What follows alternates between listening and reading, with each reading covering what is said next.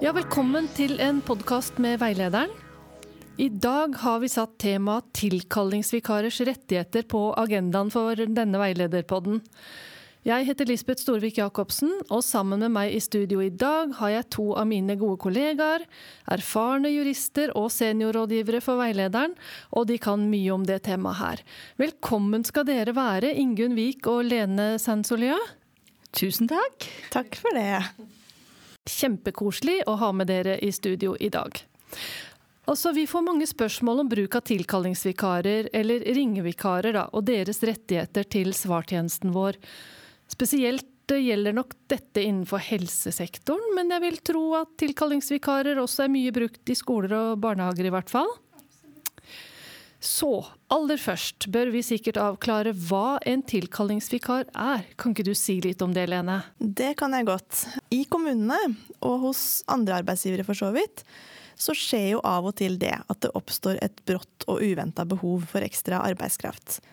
Typisk at ansatte blir syke, og at det trengs noen som kan steppe inn på forholdsvis kort varsel. Og det er her tilkallingsvikarene kommer inn i bildet. I skoler, barnehager og i helsesektoren så har man jo ofte personer som står på en ringeliste, eller at det er inngått eh, ulike former for tilkallingsavtaler da, med enkelte. Og det som særpreger tilkallingsvikarer, det er at de ikke har noen plikt til å stille opp når de blir spurt. De kan velge å takke ja, eller de kan velge å takke nei til tilbud om jobb. Og på samme måte så har ikke arbeidsgiver noen plikt til å tilby tilkallingsvikarene arbeid. Tilkallingsvikarene de har ingen fast arbeidstid. De har en mye mer løs tilknytning til arbeidsgiver enn andre arbeidstakere. Det å være tilkallingsvikar det gir faktisk ingen rettigheter eller plikter i seg selv. Og det er jo derfor vi ofte sier at tilkallingsvikarene ligger i en gråsone arbeidsrettslig sett. Og det er også derfor det oppstår så mange spørsmål rundt det her. Fordi loven gir ikke noe klart svar på hvilke rettigheter tilkallingsvikarer har i ulike sammenhenger. da. Ja, også Tilkallingsvikarer de har altså en veldig kan vi si, løs tilknytning til arbeidsgiver, og de kan ikke kreve å få arbeid. Men hva da hvis jeg som tilkallingsvikar f.eks. har avtalt med kommunen da, å ta flere vikartimer i skolen eller vakter ved sykehjemmet, har jeg fortsatt ikke rettigheter som andre arbeidstakere? Jo, eh, det her er det veldig viktig å presisere. For i det øyeblikk tilkallingsvikaren og arbeidsgiver inngår en avtale om arbeid, så utløses rettigheter og plikter. Både for tilkallingsvikaren og for arbeidsgiver. Ja. Arbeidsrettslig så kan man se på hver enkelt avtale om arbeid som inngås som en selvstendig midlertidig arbeidsavtale. For da, hvis du som tilkallingsvikar avtaler med skolen at du skal ta vikartimer på en torsdag, så er vikartimene denne dagen det midlertidige arbeidsforholdet, eller den midlertidige arbeidsavtalen. Eller det avtales f.eks. at en tilkallingsvikar skal jobbe tre vakter på sykehjemmet i løpet av en uke. Ja, da er det de tre vaktene som er den midlertidige arbeidsavtalen. Og de avtalene som inngås, de må begge parter forholde seg til. De er bindende avtaler, akkurat på samme måte som andre arbeidsavtaler. Så for å oppsummere litt, da. Det å være tilkallingsvikar i seg selv, det gir ingen rettigheter eller plikter. Men i det øyeblikket det faktisk inngås avtaler om arbeid, så utløses rettigheter og plikter knytta til den konkrete avtalen. Takk for den oppklaringen, Lene. Det var kjempebra. Men du, et annet spørsmål som vi ofte får til svartjenesten, det er jo det om en tilkallingsvikar har rett på sykepenger fra arbeidsgiver hvis han blir syk. Og det kan kanskje du si litt om, Ingunn? Det er ikke så rart at mange spør. Fordi at, som Lene var inne på, så er jo det å være tilkallingsvikar Da har du en litt spesiell tilknytning til arbeidsgiver. Eh, men eh, det er jo ingen egne regler om tilkallingsvikarers rett til sykepenger. Verken i folketrygdloven eller i hovedtariffavtalen. Deres rettigheter må derfor vurderes i forhold til de vanlige reglene. Og det blir en konkret vurdering mot både folketrygdloven og HTA sine regler. Og da er det jo slik at retten til sykepenger blir i stor grad styrt av hvor god tilknytning du har til arbeidsgiver. Jo oftere arbeidstakeren leies inn, eller vikaren leies inn, jo mer sannsynlig er det at vedkommende har rett på sykepenger. Og arbeidsgiver i denne sammenhengen det er kommunen som sådan. Og tilkallingsvikarer de kan ha rettigheter både etter hovedtariffavtalen og etter folketrygdloven. Ja, så det du sier det er altså at arbeidsgiver må forholde seg til både hovedtariffavtalen og folketrygdloven når de skal vurdere om en tilkallingsvikar har sykepengerettigheter. Så hvis jeg hadde vært arbeidsgiver, så hadde jeg nok syntes at dette her var litt komplisert. Altså. Hvordan skal jeg finne ut av disse reglene som gjelder da, Ingunn? Ja, jeg, jo, jeg, liker jo å begynne med det enkleste først, jeg ja, da. Og, så jeg starter alltid med å vurdere om en vikar har rett til full lønn under sykdom etter hovedtariffavtalen. Rett og slett fordi jeg syns at dette her er mye enklere regler å vurdere. Eh, dersom konklusjonen blir at vedkommende ikke har rettigheter etter HTA, vil jeg gå videre og vurdere om vedkommende har rettigheter etter folketrygdloven. Og de reglene kan kanskje oppfattes som litt mer kronglete. Men kanskje du kan si litt mer om hva, det, hva skal til for at en tilkallingsvikar har rettigheter etter hovedtariffavtalen? Da? Er det deg, Lene, som ja, har lyst til å si noe om det? Ja, jeg kan godt si noe om det. Da tar jeg det enkle, Ingrid. Ja, vær så god. Jo, hovedtariffavtalen den gir jo arbeidstakere rett på full lønn under sykdom hvis arbeidsforholdet er tiltrådt. Og i det så ligger at det er nok at arbeidstaker har møtt opp og jobba i en hel dag for at retten til lønn under sykdom fra arbeidsgiver utløses. Her kreves det ikke noen lengre um, opptjeningstid. Så blir jo da spørsmålet når en tilkallingsvikar skal anses for å ha tiltrådt stillingen, og med det ha rett til lønn under sykdom etter hovedtariffavtalens regler. Og som jeg var inne på i stad, så er utgangspunktet at hver enkelt avtale om arbeid som inngås, det regnes som ett avgrensa midlertidig arbeidsforhold. Og Det betyr jo da at tilkallingsvikaren må ha tiltrådt det avtalte arbeidsforholdet for å ha rett til lønn under sykdom. Jeg tenkte at det kan, kanskje er enklest å illustrere med å ta noen eksempler på hvordan det her faktisk blir. Det er lurt. Eh, for ofte så avtales det enkeltstående vakter eller annet arbeid, f.eks. vikartimer i skolen, som er begrensa til én dag. Og da er det jo sånn at det er denne ene dagen som utgjør arbeidsforholdet. Eh, hvis tilkallingsvikaren blir syk og ikke kan jobbe den dagen som er avtalt, så har ikke vedkommende rukket å tiltre. Og da har ikke eh, vikaren rett på sykelønn for avtalt arbeid. Så for enkeltstående vakter eller annet arbeid som er avtalt for én dag, så har ikke tilkallingsvikarer rett på sykelønn fra arbeidsgiver etter hovedtariffavtalens regelsett. Men så er det jo også vanlig at arbeidsgiver og tilkallingsvikaren inngår avtale om arbeid som skal gå over flere dager. La oss si at det avtales eh, at tilkallingsvikaren skal ta vakter på sykehjemmet da, på mandag, onsdag og torsdag i løpet av en uke. Da vil jo den perioden regnes som ett arbeidsforhold, altså fra mandag til torsdag. Og i disse situasjonene, der det avtales flere vakter eller arbeidsdager samtidig, så vil tilkallingsvikaren ha rett på sykelønn for alle de avtalte dagene hvis vedkommende har rukket å jobbe den første dagen. I eksempelet her arbeidsforholdet vil jo være tiltrådt hvis arbeidstakeren eller tilkallingsvikaren har jobba den første avtalte vakta på mandag. Hvis vedkommende så blir syk på tirsdag og ikke jobber de avtalte vaktene onsdag og torsdag, så vil tilkallingsvikaren ha rett på sykelønn for disse dagene. Fordi vedkommende da jobba mandagsvakta. Men hadde vikaren blitt syk før mandagen, så hadde jo ikke vikaren hatt noen rettigheter i det hele tatt, etter hovedtariffavtalen. Nei. Så la oss si at jeg er tilkallingsvikar, og så har jeg tatt en vakt i barnehagen på en mandag. Og dagen etter, altså på tirsdag, så ringer barnehagen og spør om jeg også kan ta eh, en vakt på torsdag samme uke. Og det takker jeg selvfølgelig ja til. Men så har det seg sånn at jeg blir syk på torsdag og får ikke jobbet denne vakta likevel. Mm. Har jeg da rett til lønn for avtalt vakt på torsdag siden jeg har jobbet på mandag? Nei, her vil du ikke ha rett på lønn under sykdom etter hovedtariffavtalen. Og Grunnen til det er at her er det inngått to adskilte avtaler om arbeid. Én avtale om arbeid på mandag, og så en ny avtale om arbeid på torsdag. Og da vil vakten på torsdag være en enkeltstående vakt som du ikke har tiltrådt. Men hadde situasjonen vært at du og barnehagen f.eks. uka i forveien da, avtalte at du skulle jobbe både mandag og torsdag, så hadde det vært annerledes. For da skal vaktene ses som én avtale. Og du ville hatt rett på sykelønn fordi du hadde jobba mandagsvakta. Så her må man rett og slett holde tunga rett i munnen. Det er ikke noe tvil om det. Nei, det skjønner jeg jo. Men hvis det er sånn at en tilkallingsvikar ikke har rettigheter etter hovedtariffavtalen, så skjønte jeg på Ingunn i stad at da er det Da kan vi gå over til de litt mer kronglete reglene i, i folketrygdloven. Det må vi gjøre da, Lisbeth. Det må vi gjøre da, ja. ja. For det er ofte sånn at eh, vikarer eh, som ikke har rettigheter etter hovedtariffavtalen, har rettigheter etter folketrygdloven. Men det gjelder da vikarer som man bruker en god del. For å få rett til sykepenger fra arbeidsgiver etter folketrygdlovens regler, så kreves det jo at man skal være ansatt hos arbeidsgiver i fire uker. Vi sier at det er en fire ukers opptjeningstid.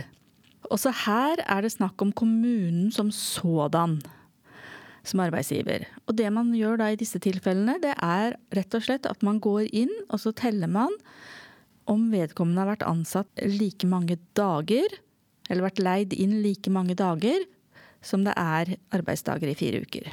Du må se på når vedkommende har jobba. Hvis det, er, eh, hvis det er en sammenblanding Noen har jo kanskje hatt et arbeidsforhold eller en historikk hvor de jobber enkeltdager, og så får de noen sånne perioder hvor, det, inne, hvor det avtales tre-fire vakter samtidig. Så teller du enkeltdagene som enkeltdager, og så tar du den perioden hvor det er avtalt vakter på samme tidspunkt. Og så teller du det som en periode.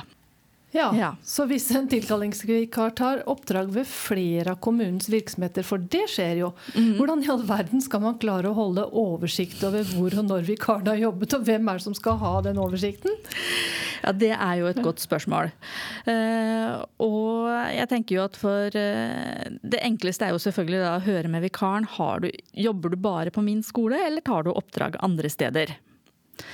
Og hvis da vikaren sier at jeg tar oppdrag andre steder i kommunen også, så anbefaler jeg jo at man kontakter eh, de som jobber med personal sentralt i kommunen. Og kanskje er det de som skal vurdere disse rettighetene.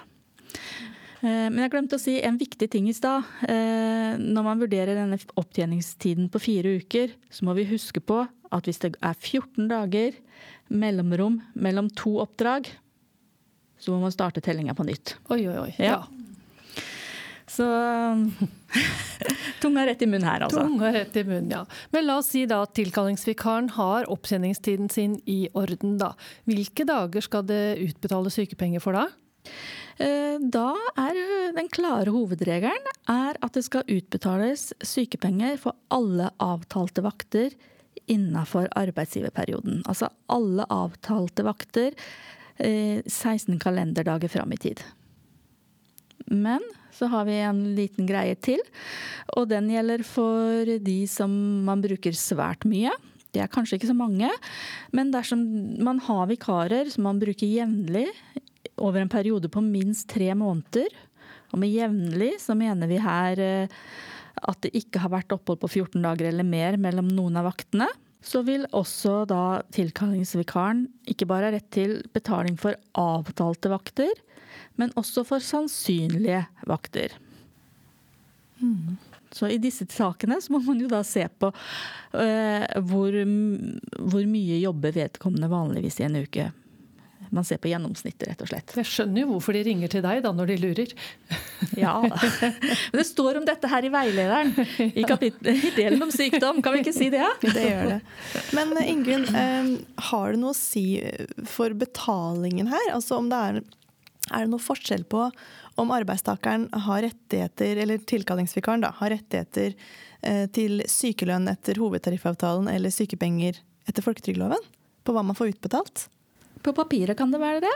For eh, etter hovedtariffavtalen så skal du jo ha det, det som er avtalt idet du blir syk, ikke sant? Mm.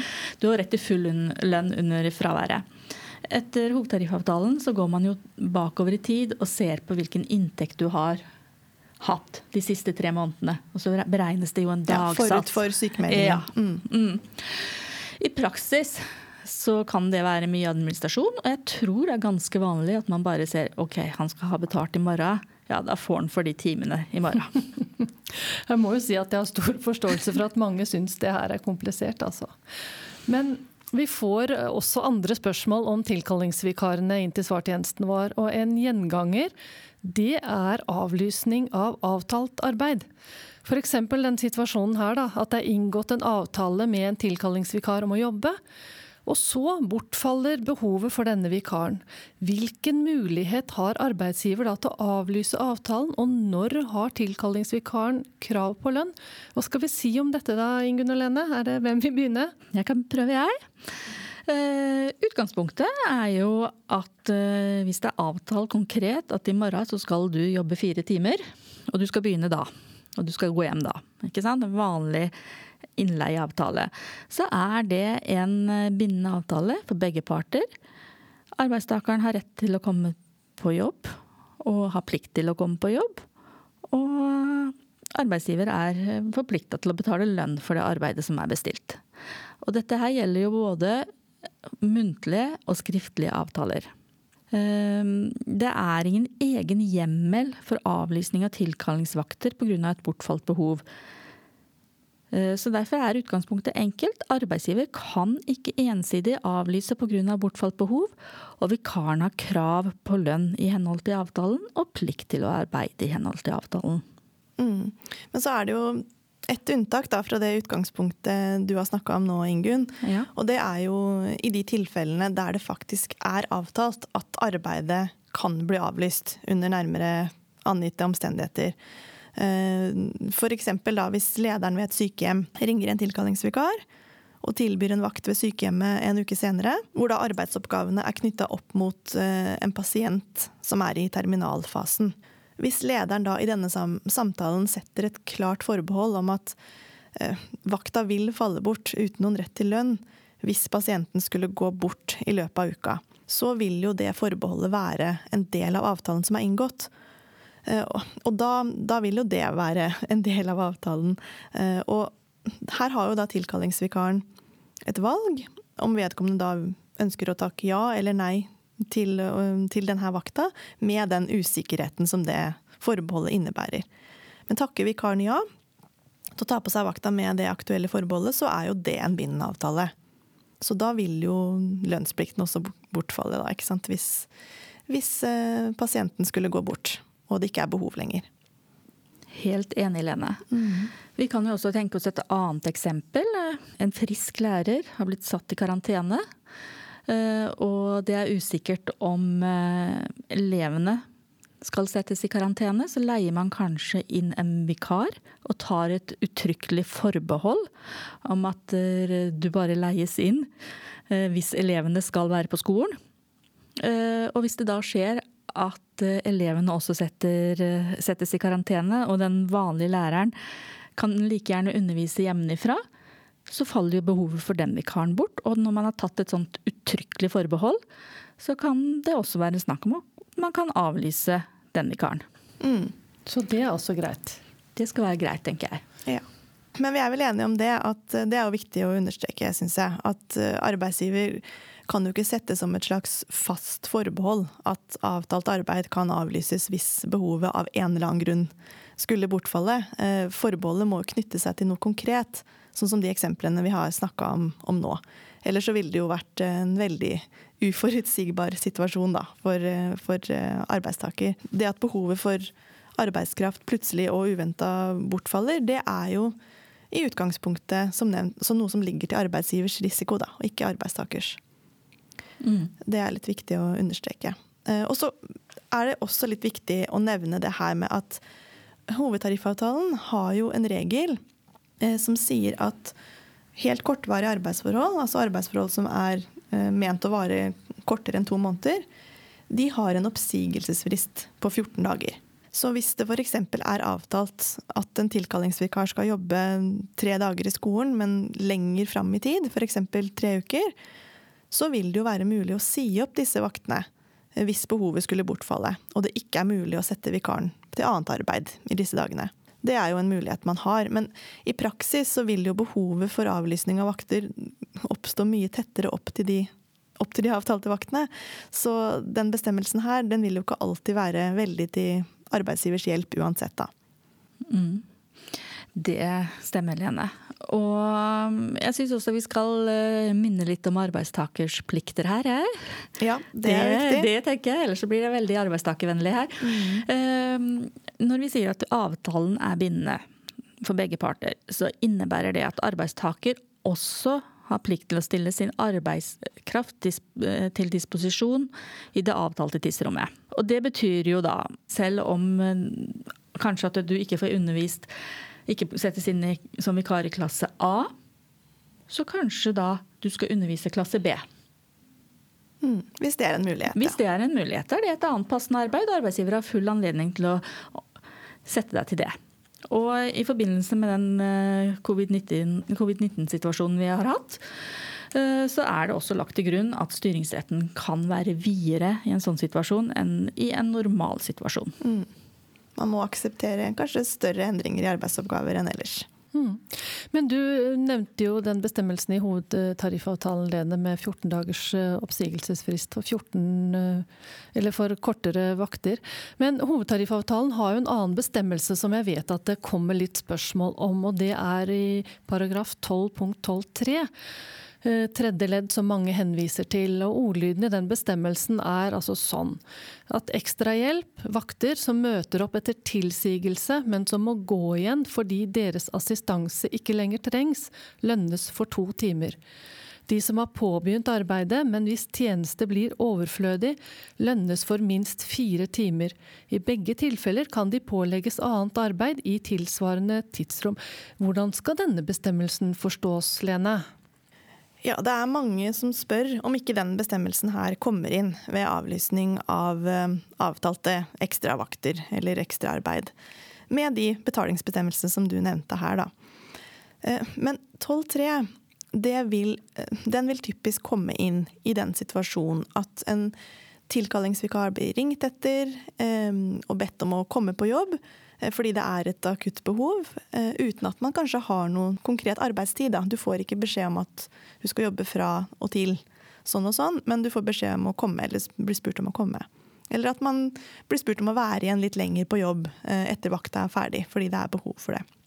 Og da, jo, da kommer jo 12.3 inn som en sånn sikring eh, for at man skal få noe betalt, hvis det da viser seg at du må bare gå igjen. At ikke det er behov for deg likevel. Men det er litt annerledes enn den situasjonen som vi snakker om nå, hvor det faktisk er avtalt en helt konkret vakt, eller et helt konkret arbeid av en viss eh, varighet, eh, hvor du har en starttidspunkt og sluttidspunkt for vakta. Da kan man ikke bruke 12.3 og avspise med at de bare skal få lønn for to eller, eller fire timer. Da har man faktisk rett på, på lønn i henhold til denne avtalen. Og det her har det vært eh, flere tvistesaker på mellom KS og arbeidstakerorganisasjonene. Eh, Men nå har KS eh, også, nå legger også KS til grunn at ja, her har man utgangspunktet krav på betaling for hele vakta. Hvis, Ja. hvis det er avtalt en konkret vakt eller konkret arbeid. Så det er ikke noen sånn snarvei til å sno seg ut av eh, Nei, en innkalt uh... Den vil som sagt typisk komme inn den 12.3 når det er eh, snakk om at du blir bedt om å komme uten noe konkret start- og sluttidspunkt. Ja. Og til slutt kanskje vi skal si noe om eh, at det er jo slik at mange vikarer vil jo gjerne være fleksible fordi de ønsker mer jobb. Mm. Og de setter pris på den fleksi- fleksibiliteten som ligger i å være vikar. Uh, Og det er ikke noe i veien for at selv om man har avtalt en konkret vakt, at arbeidstaker og arbeidsgiver blir enige om å flytte på den vakta. Det er ren avtalerett. Det, Det, det kan en, man gjøre. Ja, så det kan man godt gjøre. Men jeg forutsetter jo enighet for begge parter. Det skal jo ikke bare prege av å være en sånn pressituasjon fra arbeidsgiver, men egentlig, men det skal, så sant du, du kan jo fint enes om å flytte på vakta, ikke sant? Mm. Nå har vi altså snakket litt, eh, eller ganske mye, om retten til betaling under sykdom og avlysning av avtalt arbeid. Men vi har ikke snakka noe om selve arbeidsavtalen, og det tror jeg kanskje vi skulle si noe mer om. For i praksis så er det mange tilkallingsvikarer som har såkalte rammeavtaler. Eh, Vet alle hva som er forskjellen på en rammeavtale og en vanlig arbeidsavtale, tro? Nei, det tror jeg nok ikke. Jeg tror det er noen som blander litt sammen. Eh, vi opplever på de henvendelsene vi får til vår svartjeneste, at eh, disse to tingene de blandes sammen. Og det kan jo føre til da, at man bruker forskjellige lov- og tariffbestemmelser. F.eks. når man skal vurdere om eh, en eh, vikar har rett til sykepenger, eller om vikaren kanskje opparbeida seg rett til fast ansettelse. Ja. Så det er, for å klare å finne ut av hvilke rettigheter og plikter en tilkallingsvikar har, er det helt avgjørende å vite forskjellen mellom en generell rammeavtale og den konkrete arbeidsavtalen. ja, men hva er, hva er forskjellen eh, egentlig, Lene? Jo, jeg tenker jeg kan starte i arbeidsmiljøloven for å forklare litt eh, og de, de krava som arbeidsmiljøloven setter til eh, avtaler. Eh, for det skal jo inngås skriftlig arbeidsavtale i alle arbeidsforhold. Og det gjelder uavhengig av hvor korte de er.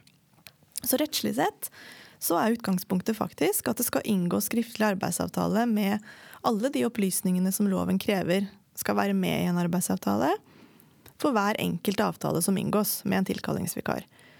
Og så sier det seg jo selv at det kan være lite praktisk og veldig tungvint. Og derfor er det mange kommuner som velger den praktiske løsningen med å inngå såkalte rammeavtaler med de personene som det kan være aktuelt å ringe etter i ny og ne. Og rammeavtalen den skal fastsette retningslinjene for de oppdraga som kan bli aktuelle ved en nærmere avtale. Rammeavtalen den bør jo inngås for en bestemt periode, og den kan f.eks. regulere stillingskode og lønnsnivå for det arbeidet som kan bli aktuelt for tilkallingsvikaren å utføre i den perioden. Da. Poenget er jo da at man på forhånd får regulert de betingelsene som det er mulig å si noe generelt om. Altså de elementene som er faste fra gang til gang. Og når da vikaren og arbeidsgiver inngår en konkret avtale om arbeid, så vil den avtalen sett sammen med rammeavtalen som ligger i bunn, oppfylle lovens krav til skriftlig arbeidsavtale. Men det som er viktig å huske på, eh, og som vi ser da at en del glemmer eller ikke helt forstår, eh, som Ingunn var inne på, det er at eh, rammeavtalen alene, det er ikke en arbeidsavtale som gir tilkallingsvikaren og arbeidsgiver for så vidt rettigheter og plikter. Rammeavtalen den innebærer ikke i seg selv at at her har vi et arbeidsforhold, men den utgjør rammene om de enkelte midlertidige arbeidsforholdene som avtales. Ja, Går det an å si noe mer om hva den forskjellen innebærer? Det enkleste er vel kanskje hvis vi prøver å gi noen eksempler. Ja. Skal vi ta, starte med litt i forhold til retten til sykepenger, da. Eh, I stad Eh, så var vi jo inne på det, at når man vurderer eh, en tilkallingsvikars rettigheter etter, eh, til sykepenger etter folketrygdloven, så teller man dager for å se om vedkommende har vært ansatt i fire uker. Og dette innebærer at selv om man har en rammeavtale som kanskje går over et år, og vedkommende blir syk da midt i september, og således kanskje har vært ansatt godt over fire uker, Eh, så har jo ikke det noen betydning. Det, det, her må man rett og slett inn og telle dagene. Som man faktisk har jobba. Telle mm. dager man faktisk har jobba. Eller vært leid inn for. Mm. Og ja, Et annet eksempel det kan jo være det her med, med retten til fast ansettelse etter treårsregelen i arbeidsmiljølovens paragraf 14-9 sjuende ledd. For vi får med jevne mellomrom spørsmål om ikke tilkallingsvikaren har krav på fast ansettelse Eh, etter treårsregelen fordi vedkommende har hatt eh, rammeavtale for vikararbeid eh, i over tre år. Men igjen, det er samme som Ingunn sier, det er ikke lengden på, på rammeavtalen i seg selv som blir det avgjørende her. Satt på spissen så kan det jo være at arbeidstakeren ikke har jobba noe som helst i det hele tatt. Så det avgjørende er hvor mye er det arbeidstakeren faktisk har jobba. Um, hvis det er jo, ja, jeg sier arbeidstaker, jeg mener jo tilkallingsvikaren, da. Uh, hvis vikaren i realiteten bare har jobba helt sporadisk nå og da, så vil jo ikke kravet til sammenhengende midlertidig ansettelse være oppfylt.